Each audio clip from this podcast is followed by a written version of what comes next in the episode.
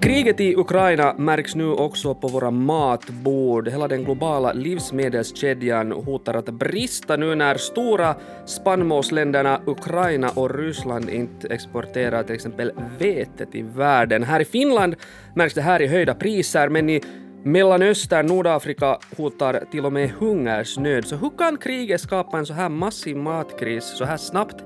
Eller lades fröet till den här krisen redan för länge sedan. Det här ska vi diskutera här i nyhetspodden med mig eh, Johannes Taberman och med mig har jag Max Schulman. Välkommen. Tack, tack.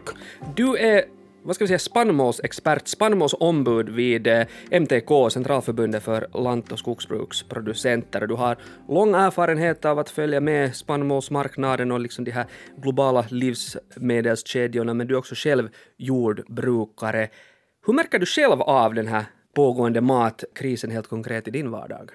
det börjar kanske först som konsument att man börjar följa lite själv också med på matkassen att väntas nu, att vad sätter jag in dit? Är det någonting sånt som faktiskt skulle kunna komma från krisområdet och det här? Så kanske du, jag åtminstone själv tillsammans med familjen, vi har blivit mer intresserade av att, vad vi sätter i kassen. Mm. Men sen som odlare igen så har jag själv märkt det direkt med det att priserna har stigit, först och främst på bränsle, mycket som nu kommer att vara det kritiska här på vårbruket. Och sen kommer det ju också in med det här att biogödseln, det priset har stigit otroligt mycket redan sen förra hösten. Det här har inte hett bara nu, då det har en byggt upp här en energikris. Då har man redan följt och köpt in kanske lite, men inte så mycket på min egen sida att jag skulle kunna klara hela våren. Och sen har det medfört med mig också att jag tänker om till en del åtminstone vad jag kommer att så nu på våren. Mm. Och kommer jag att så allt? Så det här är de här känningarna jag känner själv. Men sen igen från min arbetssida så kommer det ju förstås de här större frågorna mm. framåt. Vad borde vi ha sett? Hur ska vi kunna parera det nu när det är redan på bordet? Hur kommer det att se ut i framtiden? Ja, För det här ja. stannar ju inte bara här. Nej, och det här ska vi titta närmare på. Men jag tänkte ännu det här, eh, jag menar nu redan så, jag menar näringsminister Mikael Lintilä från Centern gick ut och sa att matpriserna hotar att stiga med det dubbla. Han har fått lite mothugg här, men vad är din bedömning? Vad kan vi vänta oss? No, min bedömning är det att vi har ju sett redan från förra hösten att det börjar ju stiga globalt, mat, egentligen då spannmålspriserna men det kom ganska ofta med också via energin. Det var energipriserna började smygstiga och sen började spannmålspriserna stiga efter att det inte har varit kanske riktigt de bästa skördarna världen över. Vi ligger just där så att efterfrågan och utbud har gått ganska hand i hand och det har lite minskat på globala helt enkelt spannmålslagren. Och därifrån den började det här, liksom man börjar få en sån här känning på att någonting håller på att koka ihop. Och då har redan priserna på maten stigit lite. I ja. Finland kanske det känns mellan 5 och 7 procent kan vi vänta oss att det ännu här inom en kort framtid stiger när det når ända fram till butiken. Men sen när vi går vidare och tittar på den här Ukraina-krisen i sin helhet så då misstänker jag själv och vad jag har försökt räkna ut att den här matkassen så det är mellan 10 och 15 procent maximi som vi kommer säkert att få en känning i Finland för att nu är det då tid att också livsmedelskedjan i sin helhet tittar på det här och inte bara primärproduktionen. Så jag tror att vi kommer nog inte att se sådana höjningar som vi har sett till exempel i Marocko som ett exempel. Okay. Var mjölpriset har stigit sedan förra hösten med 700 procent. Uh, och det steg här en 300-400 procent direkt efter den här Ukraina-krisen. Så att det är sådana häftiga prisstegringar Och då talar vi liksom om mjöl, en verklig basvara. Precis. Och det är ju det som är det värsta, du sa där, basvara. Och det är faktiskt i det landet och i många av de här nordafrikanska länderna är det en basvara. Ja. Så att här ser vi att det, den här skillnaden kan vara av ett land som har en primärproduktion som Finland. Vi har en ganska stark primärproduktion ännu. Fast ja. det nu naggas i kanterna ganska häftigt de senaste, ska vi säga nästan tio åren, så har vi den ännu här. Och sen har vi ett land som helt enkelt inte har en primärproduktion som på det sättet så stark och sen faktiskt har ett klimat som har enormt stora skillnader sen mellan skörd och skörd. Hur pass, som man säger, sårbara de är sen när det händer en sån här global kris som faktiskt stänger ut två stora globala spelare innanför den här världsmarknaden. Jag menar, Ukraina är ett stort jordbruksland med, med bördig jord, gynnsamt klimat, världens tredje största veteexportör och nu riskerar då en stor del av den här skörden liksom att inte nå ut till världen, förstöras eller hållas inom landet. Vad är egentligen alla de här liksom, säga, förklaringarna till att kriget har en så stor inverkan på den ukrainska veteexporten? Nå, egentligen vete är ju en sak, det är viktigt när vi talar om Ukraina så lönar det sig nog också att nämna majsen Ja. och solrosorna. Jag Precis. menar att vi har här en sån här, på engelska, sån här agricultural powerhouse som helt enkelt nu har, som man säger då, plötsligt slutat att funktionera. Och det betyder ju det att de har ju spannmål i sina lager som man skördade förra året, som de skulle ha varit då ute på exportmarknaden med. En del är redan sålt just till Nordafrika, mycket vete, de är beroende av det där vete. Och nu vad betyder det? Jo, hamnarna är stängda. Precis. Du kan inte lasta någonting där. Man annars- kommer inte via Svarta havet längre. Att Nej, du kommer inte ut via Svarta havet överhuvudtaget. Hamnarna är stängda och då lastar de där dagligen ungefär 100 000 ton spannmål per dag in i båtar för att föra ut. Så att jag menar det är en stor smäll. Men sen kommer vi ännu till det, vi talar Ukraina, där är också Ryssland. De far inte båtar in till ryska hamnarna heller. Det. Och det betyder att en annan stor veteexportör är borta från marknaden samtidigt. Och det här börjar ju direkt globalt att kännas, för att de var just nu de som skulle helt enkelt förse många av de här importerande länderna med det där vetet.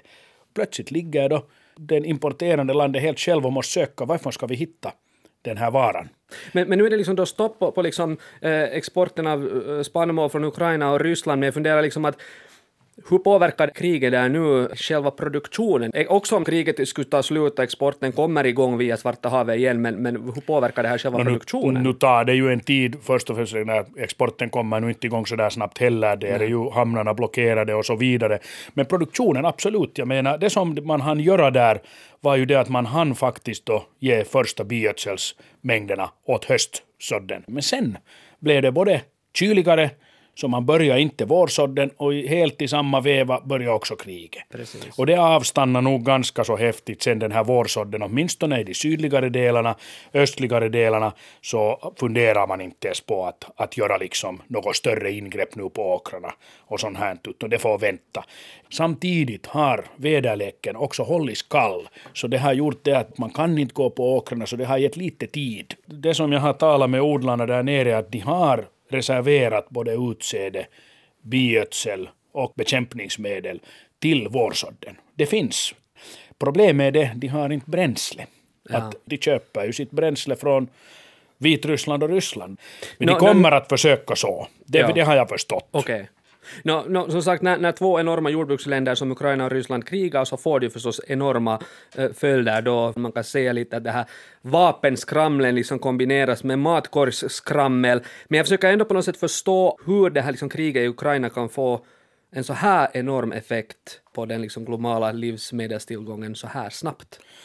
Spannmål är ju sånt som det följs ju upp, produktion och konsumtion, lagersidan följs ju upp av IGC, International Grains Council, var de flesta världens länder sitter med. Just för att kontrollera och följa med lite att hur det ser ut globalt. Och där har vi sett redan en längre tid att vi har gått ganska från hand till mun. Produktionen och konsumtionen har hållits nästan de här senaste tio åren mer eller mindre på helt samma nivå. Och det betyder ju det att lagren i, i början så minskade lite, men så stagnerade att lagren hölls. Men nu senaste åren ser vi att till och med lagren har börjat minska. Och en stor del av de där internationella lagren finns inte mera fritt heller att köpa från, utan en stor del av dem, om vi tar vete, så 50 procent till och med lite på finns innanför de kinesiska gränserna. De har redan köpt upp det. Så Kina sitter på den största mängden av allt. Oh, av vete i dagens läge, åtminstone när vi tittar på vete och mycket annat också på majs och soja. Men en stor del av de kinesiska lagren finns då redan köpta in i framtiden av olika länder och då betyder det att de kommer att skippas till Kina när skörden är förbi och man skeppar så skeppar man småningom inte till Kina och de behöver ju maten så att det hålls där. Det kommer inte ut. Och det här betyder ju det att vi har en aningen mindre fritt tillgängligt med olika spannmål till världsmarknaden. Och när du så talar om två så stora länder som Ukraina och Ryssland och det blir borta över en natt Ja. 30-40 miljoner ton tio gånger mera än hela finska skörden, som inte överhuvudtaget kommer att komma ut på marknaden, så börjar ju alla titta varifrån ska vi hitta den varan för som vi behöver? För de hade ju räknat med det där. Men betyder det att Kina som nu sitter på hälften av allt vete i sina lager skulle kunna lösa den här matkrisen om de bara skulle gå med på att sälja det nu? De skulle kunna till en viss mån möjligtvis göra det, men tyvärr är de så pass många munnar att de ska, som de ska mätta där, att de vågar inte släppa ut det, utan de sköter nog sitt eget.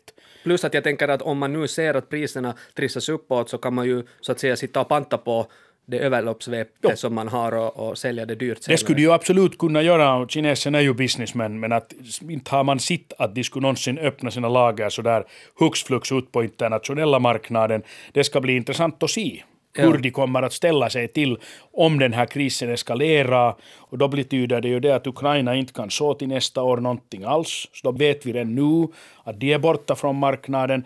Sen vet vi ju inte vad som händer med Ryssland och då kommer du in i den här politiska frågan. Sätter västsidan någon typ av sanktioner på den ryska spannmålen? För att Ryssland kan ju odla. Ja. Men, men frö för den här liksom matkrisen lades liksom redan långt före kriget bröt ut med andra ord. Jo, alltså den har redan varit där en längre tid och den börjar, man börjar märka att den börjar lite att kulminera den här under förra skördeåret. Börjar man att se att kanske de där skördarna var inte heller så exceptionellt goda, stora. Mm. Du nämnde här tidigare att, att i, i Marocko så har priset på mjöl stigit med 700 procent.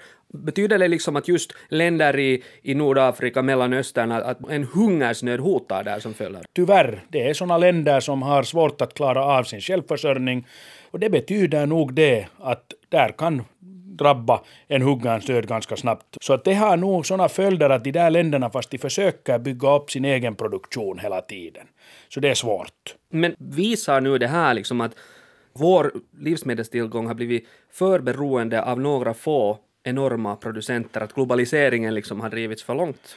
Så har det ännu varit en, en rennen tid och kanske det skulle ännu ha funkat bra bara man inte skulle ha börjat liksom att ställa om som det händer ganska mycket i Europa. Att vi tyckte att vi hade en produktion som låg på en så pass stor och hög nivå att vi har råd att börja minska på produktionen. Och det funkar riktigt bra i en värld när du faktiskt kan säkerställa att du hela tiden får skörd. Men om vi flyttar fokus till Finland, det låter ju som att det skulle vara liksom hög tid för oss också här att börja satsa ännu mer på inhemsk eh, spannmålsproduktion, eller vad säger du, liksom, är, vi, är vi tillräckligt självförsörjande här i Finland idag? Alltså vi är på sitt sätt, jo. Bara vi skulle få fortsätta så som det nu är. Mm. Nu också, Finland är ju under EU och här drabbas vi också av vissa sådana större politiska rön som börjar nagga i kanterna på vår produktion.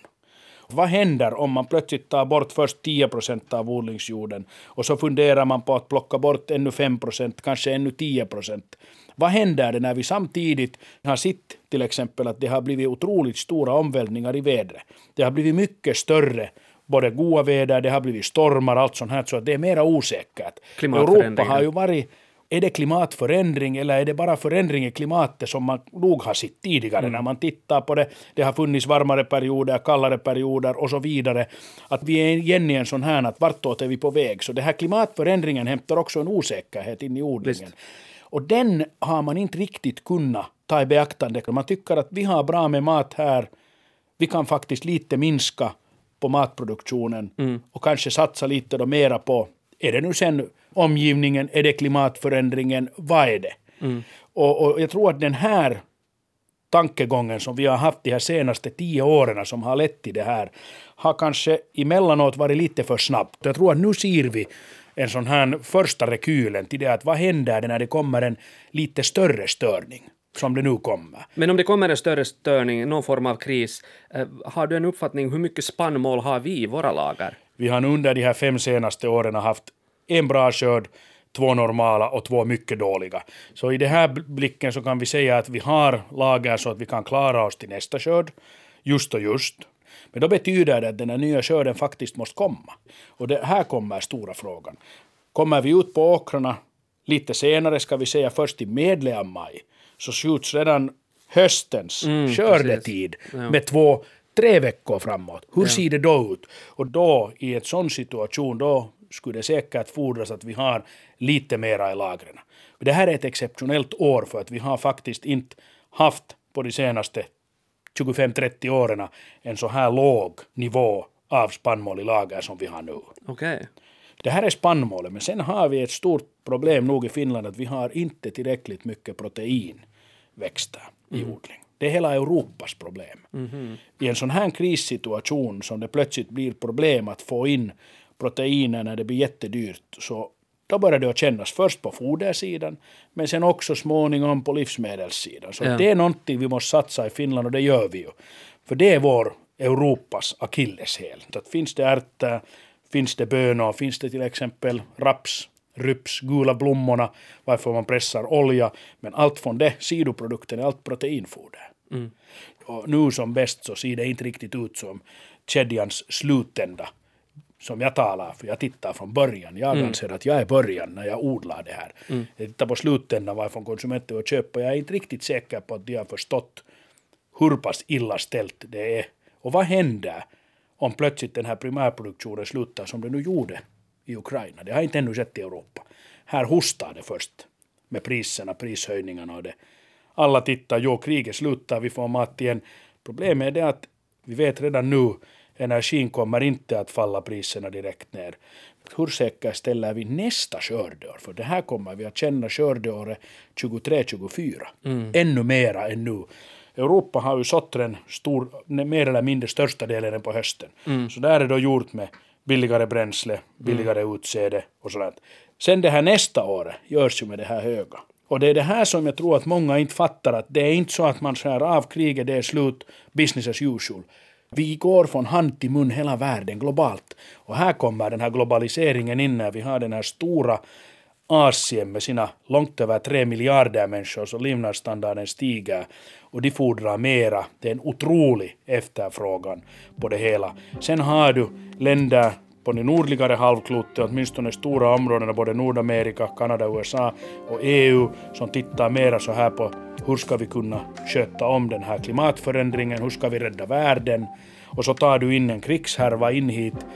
Då har du en, en ganska häftig soppa på handen. Verkligen. Eh, uh, Max Schulman, spannmålsexpert och jordbrukare, tack för att du kom hit och förklara vad den här matkrisen egentligen uh, beror på.